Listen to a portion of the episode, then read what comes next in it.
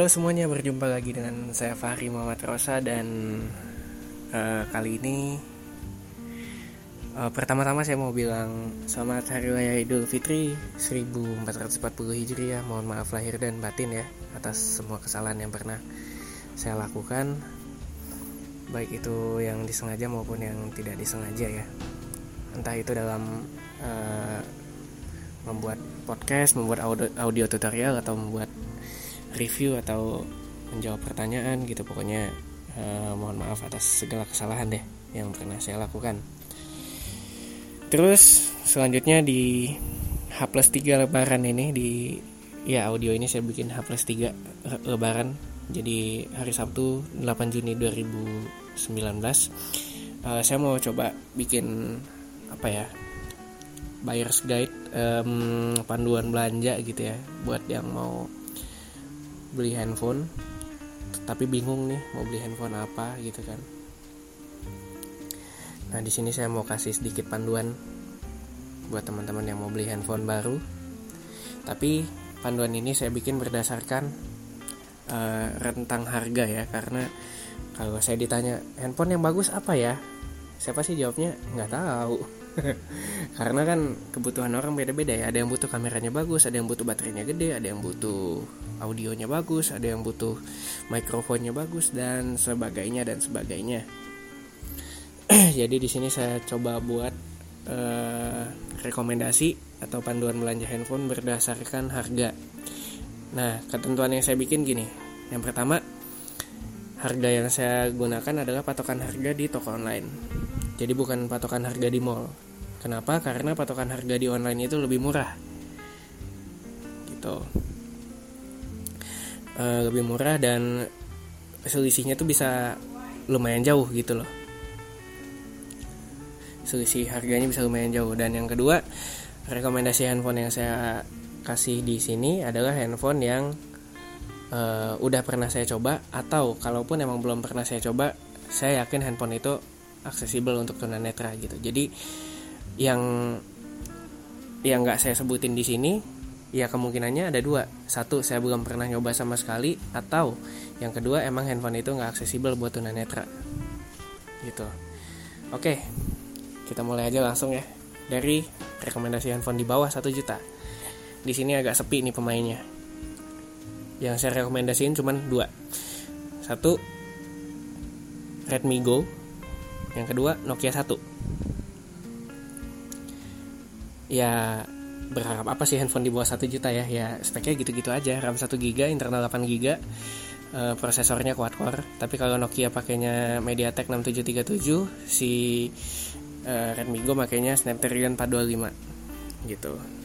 Ya ya sesuatu yang paling basic dari sebuah handphone itulah yang didapat di harga di bawah 1 juta. Dan dia juga pakainya Android Go ya Android Go itu Android yang uh, didesain khusus buat HP-HP dengan RAM 1 GB ke bawah gitu.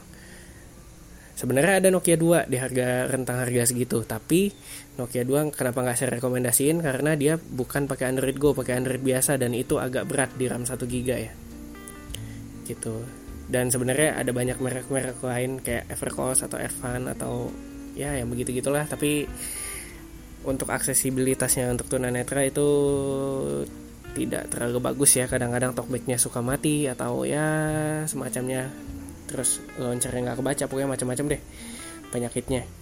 Gitu. Makanya saya cuma rekomendasiin dua handphone. Di rentang harga di bawah satu juta. Oke naik lagi ke rentang harga 1 sampai satu setengah juta. Atau saya nyebutnya satu juta tipis itu ada beberapa ada Realme C2 ada Realme C1 nah itu speknya hampir sama cuman bedanya Realme C2 dia pakai um, MediaTek Helio P22 dan Realme C1 dia pakai Snapdragon 450 sisanya hampir sama. Gitu RAM-nya 2 GB internalnya ada yang 16 ada yang 32 tinggal milih deh tuh. Terus ada Nokia 3 ini sebenarnya handphone udah agak lama tapi masih menarik. Karena di rentang harga segitu dia cukup lengkap ya. Di rentang harga 1 jutaan tipis itu dia cukup lengkap ada NFC nya uh, walaupun baterai dan prosesor biasa aja gitu. Internalnya juga cuma 16 GB tapi dia juga udah dapat Android Pie. Terus ada lagi Samsung Galaxy J7 Core. Nah yang pengen Samsung. Nih di harga 1,4an itu. Samsung Galaxy J7 Core dia pakai uh, RAM 2 GB internal 16 tapi judulnya udah J7 jadi berasa agak tinggi gitu ya. Padahal core jadi ya yang penting-penting aja dari seri J7 gitu. Terus ada lagi Samsung Galaxy A2 Core. Nah itu di 1,1 jutaan. 1 juta sampai 1,1 juta harganya. Galaxy A2 Core ya itu lagi-lagi segala macam yang penting-penting dari seri A nah adanya di situ. Ya seri rendahnya seri paling rendahnya eh, Galaxy A deh gitu. Terus ada Redmi 6A yang pengen Xiaomi. Uh, ada Redmi 5A kalau yang mau agak jadul lagi tapi masih ada barunya itu. Um, kemudian um, ada lagi Redmi Note 5A kalau pengen HP yang agak-agak gedean. Ya bodinya agak-agak gede gitu ya. Redmi Note 5A nah sekarang kita naik naik lagi dikit ke rentang harga satu setengah sampai 2 jutaan. Atau saya bilangnya satu juta tebel. Ya, jadi ada satu juta tipis ada satu juta tebel. Jadi uh, selisihnya 500 ribu 500 ribu ya. Nanti saya akan nyebutnya gitu di satu juta tebel ini rekomendasinya agak lebih banyak lagi kalau yang pengen banget Samsung ada beberapa pilihan ada Galaxy J7 Duo ada Galaxy A10, ada Galaxy M10. Nah, ada Galaxy J5 Pro. Nah, itu agak jadul, tapi masih oke okay lah untuk dipakai di tahun segini. J5 Pro sekarang barunya di sekitaran 1,8. Terus uh, itu untuk Samsung ya. Tapi dari dari uh, di antara banyak seri itu yang paling worth it menurut saya adalah J7 Duo. Kenapa harga dengan harga satu setengah kita bisa dapat HP dengan RAM 3 GB, internal 32 GB, prosesornya uh, tinggi itu setara dengan prosesor uh, Galaxy A8 kalau dulu pernah tahu. Nah itu yang bisa kita dapetin di harga segitu dan um, apa namanya tapi dia bentuknya masih emang masih uh, jadul banget ya bentuknya masih apa namanya masih baterainya masih bisa dilepas gitu. Jadi nggak kayak eh, nggak kayak nggak kayak handphone kekinian lah gitu. Itu kalau buat yang pengen Samsung. Nah terus ada lagi untuk merek-merek lain ada Redmi 7 ada yang doyan baterai-baterai gede ya ada uh, Asus Zenfone Max Pro M1 uh, mau yang RAM 3 atau yang RAM 4 itu kisaran harganya sama. Kalau yang RAM 3 itu ada di satu setengah sampai 1,6 kalau yang RAM 4 itu ada di sekitaran 1,8 gitu. Terus uh, untuk merek-merek yang lain ada Realme 3 di kisaran harga 1,8 juga. Nah itu cukup menarik juga. Ada Oppo A3s kalau yang pengen Oppo. Ada Realme 2 Realme 2 juga uh, rentang harganya segitu. Tapi kalau disuruh milih antara Realme 2 sama Realme 3 mending Realme, Realme 3 sih. Gitu. Terus uh, sebenarnya di harga segitu ada lagi Infinix Hot 7 Pro cuman uh, saya nggak terlalu berani rekomendasiin karena saya belum pernah nyoba sama sekali ya. Dan saya juga nggak tahu itu uh, aksesibel atau enggak buat tunanetra gitu ya. Begitu. Terus ada kalau emang pengen yang uh, pengen yang Nokia gitu. Ada Nokia 3.1 Plus dan Nokia 5.1 Plus. Kalau emang butuh NFC ada Nokia 6 Nokia 3.1 Plus juga ada NFC-nya cuman kalau dari segi prosesor lebih tinggi Nokia 6 dan dengan harga yang lebih murah tentu saja. Karena dia keluar lebih dulu ketimbang Nokia 3.1 Plus. Terus untuk Xiaomi ada Redmi 7 tadi udah saya sebut ada Xiaomi Mi A2 Lite buat yang doyan baterai gede dan stok Android ya. Dia nggak pakai MIUI tapi pakai stok Android. Terus ada um, Redmi 6 terus ada Redmi 5 Plus itu juga baterainya gede. Masih ada juga barunya tuh. Itu untuk satu juta uh, tebel. Silahkan dipilih ya dari banyak rekomendasi tadi nah sekarang naik lagi ke 2 juta tipis. Di rentang harga 2 juta tipis ada kalau yang pengen Samsung ada Samsung Galaxy um, A20 ada Galaxy M20 ada Galaxy A6 ada Galaxy uh, ya Samsung segitu aja deh. A6 uh, M20 sama A20 ya kalau untuk yang mau baterainya gede ada Asus Zenfone Max Pro M1 yang RAM um, 6 GB ada juga Zenfone Max Pro M2 yang RAM 3 atau 4 GB itu di sekitaran yang RAM 3 di, di sekitaran 1, uh, 2,1 yang RAM 4 itu di, uh, di sekitaran 2,4 harganya. Terus um, ada lagi Zenfone oh Zenfone udah saya sebut ada lagi Redmi Note 7 yang RAM 3 per 32 itu beruntung sih kalau bisa dapat di harga di bawah dua setengah. Siapa tahu ada gitu kan. Beruntung tuh bisa kalau bisa dapat di harga segitu tapi kalau mau yang pasti-pasti aja yang Xiaomi ada Redmi Note 5 atau Redmi Note 6 Pro. Itu harganya hampir-hampir sama tuh. Yang RAM 3 atau 4 gitu. Terus eh, untuk Oppo ada Oppo A5s ada Oppo A5s ya. Untuk rentang harga 2 juta tipis. Um, terus uh, naik lagi ke 2 juta tebal dua setengah sampai 3 juta ada Galaxy A6 Plus, Galaxy J8, Galaxy A30, Galaxy apa lagi ya untuk harga segitu? Ya, Samsung segitu aja deh. Kayaknya emang itu doang sih. Uh, mungkin kalau ada yang belum tersebut saya lupa kali ya. Ya untuk Samsung saya bisa rekomendasiin itu A6 Plus, J8 atau A30 tapi yang paling worth it menurut saya sih A30 untuk harga 2,5 sampai 3 juta. Nah kalau mau yang lain ada Asus Zenfone Max Pro M2 yang RAM 6 GB itu baterainya gede itu 5000 mAh. Terus ada Zenfone 5 yang tadinya harga 4 jutaan sekarang udah turun ke 2,8 atau 2,7 terus ada Realme 3 Pro ada Realme 2 Pro. Oh enggak Realme 3 Pro di 3 jutaan sorry. Ada Realme 2 Pro maksudnya. Terus ada Realme U1 nah itu juga asik tuh. Nah Realme U1 juga ada yang di bawah 2,5 juta sih yang RAM 3 GB oke. Terus apalagi yang belum saya sebutin ya? Ada Nokia 6.1 eh, Plus. Sorry kelibet ada Nokia 6.1 Plus.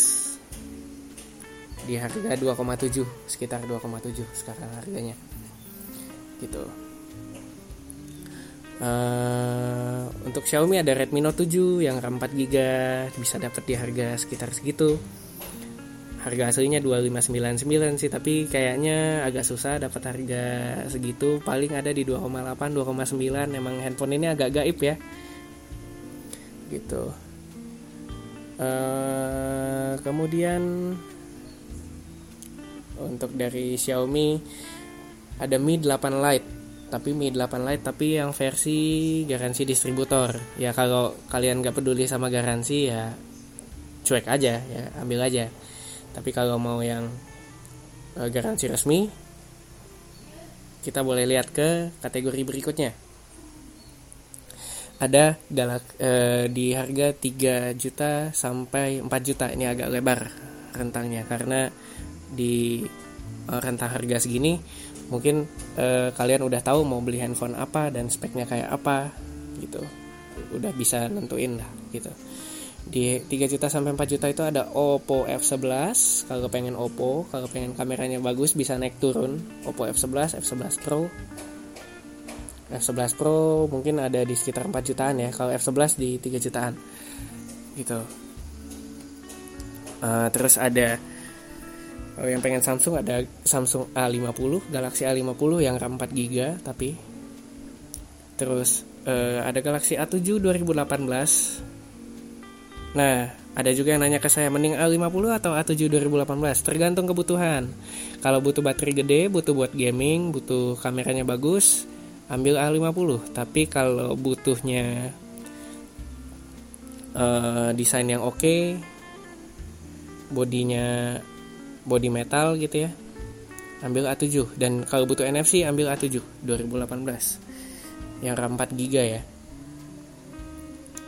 Terus uh, untuk merek-merek lain ada Realme 3 Pro yang RAM 4 ataupun yang RAM 6 ada Realme 2 Pro yang RAM 6 atau yang RAM 8 itu di harga 3 jutaan. Terus untuk merek lain Xiaomi Mi 8 Lite. Nah itu bisa dapat yang uh, RAM 4 GB tapi garansi resmi. Kalau tadi yang saya sebutkan garansi distributor ya di 3 juta di bawah 3 juta ya. Tapi kalau di 3 juta ada yang garansi resmi Uh, jadi nggak usah khawatir dengan garansi. Uh, kalau mau yang agak lebih tinggi lagi di Xiaomi ada Xiaomi Mi 8 SE, tapi itu garansi uh, distributor. Kalau yang nggak peduli garansi, nyantai aja. Terus naik lagi ke 4 sampai 5 juta itu ada Galaxy A50 yang RAM 6 ada Galaxy A8 Star. Nah, ini menarik karena uh, dia udah turun dari harga 7 juta 499 ke 4 jutaan, 4 juta pas. Saya nemu yang harga 4 juta pas. A8 Star ini menarik ini. Karena dia udah pakai Snapdragon 660 Samsung gitu pakai Snapdragon 660 spek tinggi gitu kan. Tadinya harganya 7 juta turun ke 4 juta kan itu menarik banget ya terus ada Galaxy A7 2018 yang RAM 6 GB terus ada Zenfone 5Z RAM 6 GB ya Asus Zenfone 5Z RAM 6 GB itu harganya juga 4 jutaan. Ada kalau yang gak peduli garansi balik lagi nih garansi distributor ada Xiaomi Mi 8 atau Xiaomi Mi 9 SE nah itu dua-duanya menarik. Xiao, uh, tapi kalau saya lebih rekomendasiin yang mana saya lebih rekomendasiin Xiaomi Mi 8 kenapa? Karena emang dia prosesornya prosesor flagship tahun lalu ya Snapdragon 845 terus uh, RAM-nya juga udah 6 ada yang internalnya 64 atau 128 gitu. Jadi kalau buat main game enak kameranya juga bagus layarnya juga oke. Pokoknya uh, menurut saya HP yang all rounder lah di harga 4 jutaan gitu. Dan karena daily driver saya sekarang juga pakai itu gitu. Jadi makanya saya berani rekomendasiin terus di harga 4 jutaan juga ada apa lagi ya? Ada oh ya kalau yang senang tantangan bisa pakai Huawei P30 Lite. Huawei P30 Lite. Kalau yang nggak peduli dengan katanya Huawei mau di ban sama Google sama US ya sama Amerika Serikat itu juga pilihan yang cukup menarik gitu dengan prosesor uh, Kirin 710 nya dan RAM 6 GB internal 128 dengan harga 4 juta ngepas sampai 4,1 lah gitu. Itu itu juga pilihan yang menurut saya cukup menarik. Nah untuk kemudian untuk harga 5 juta ke atas ya 5 juta 6 juta 7 juta dan seterusnya. 5 juta sampai 7 juta dulu deh. Ini rentangnya makin agak jauh ya 5 juta sampai 7 juta itu ada Galaxy A70 nih buat yang butuh layar gede. Ya kan? 6,7 inch dengan prosesor Snapdragon 675 baterainya juga gede 4500 mAh. Ini menarik sih. Ngecharge juga cepet. Uh, 25 watt ya. 25 watt. Ini menarik nih Galaxy A70 atau um, Oh iya sorry. Tadi di rentang harga 4 juta saya lupa nyebutin satu yang cukup menarik juga Pocophone F1 Xiaomi Pocophone F1 tapi uh, kalau saya sih lebih milih Mi 8 ya ketimbang Pocophone F1 karena dia nggak punya NFC walaupun baterainya lebih gede sih. Jadi tergantung kebutuhan kalian. Oke balik lagi ke 5 juta tadi. Ada Galaxy A70 uh, eh, kemudian ada Galaxy A9 2018 itu harga 6,2an 6,2 6,3 lah. Terus ada Mi 8 Pro Xiaomi itu RAM 8 GB tapi masih garansi distributor. Dan ada Mi 9 Mi 9 tuh di sekitar harga 7 jutaan. Mi 9 ya gitu. Itu untuk harga 5 sampai uh, eh, 7 juta. Ada oh ada juga Zenfone 5Z yang RAM 8 GB kalau yang maunya garansi resmi gitu tapi RAM-nya gede internalnya gede 256 nah itu ada. Mi eh Mi apa? Uh, Zenfone 5Z itu di harga 5,6 sampai 5,8 lah gitu. Nah untuk di harga di atas 7 juta itu udah uh, ya udahlah ya udah udah udah udah pada bisa milih milih sendiri lah di harga segitu ada ya pokoknya flagship flagship lah P30 P30 Pro Mate 20 Pro Huawei Mate 20 uh, ada Galaxy S10 S10 Plus S10i S9 Plus banyak lah pokoknya yang flagship flagship itu udah ya udah itu udah preferensi masing-masing lah ya. Udah pasti udah udah pada ngerti mau milih HP yang kayak apa gitu untuk rentang harga di atas 7 juta. Gitu. Nah dari tadi kenapa saya nggak nyebutin iPhone? Karena e, kalau untuk iPhone itu harganya lebih variatif lagi ya. Karena dia ada macam-macam garansi. Ada garansi e, garansi iBox ada garansi internasional ada garansi distributor dan itu agak kalau saya sendiri agak kesulitan nyari patokan harganya gitu. Jadi untuk iPhone saya nggak saya sebutin gitu. Dan karena kalau orang yang mau beli iPhone berarti dia e, biasanya udah ngerti apa yang mau dia beli gitu. Jadi di sini saya lebih ke Android gitu.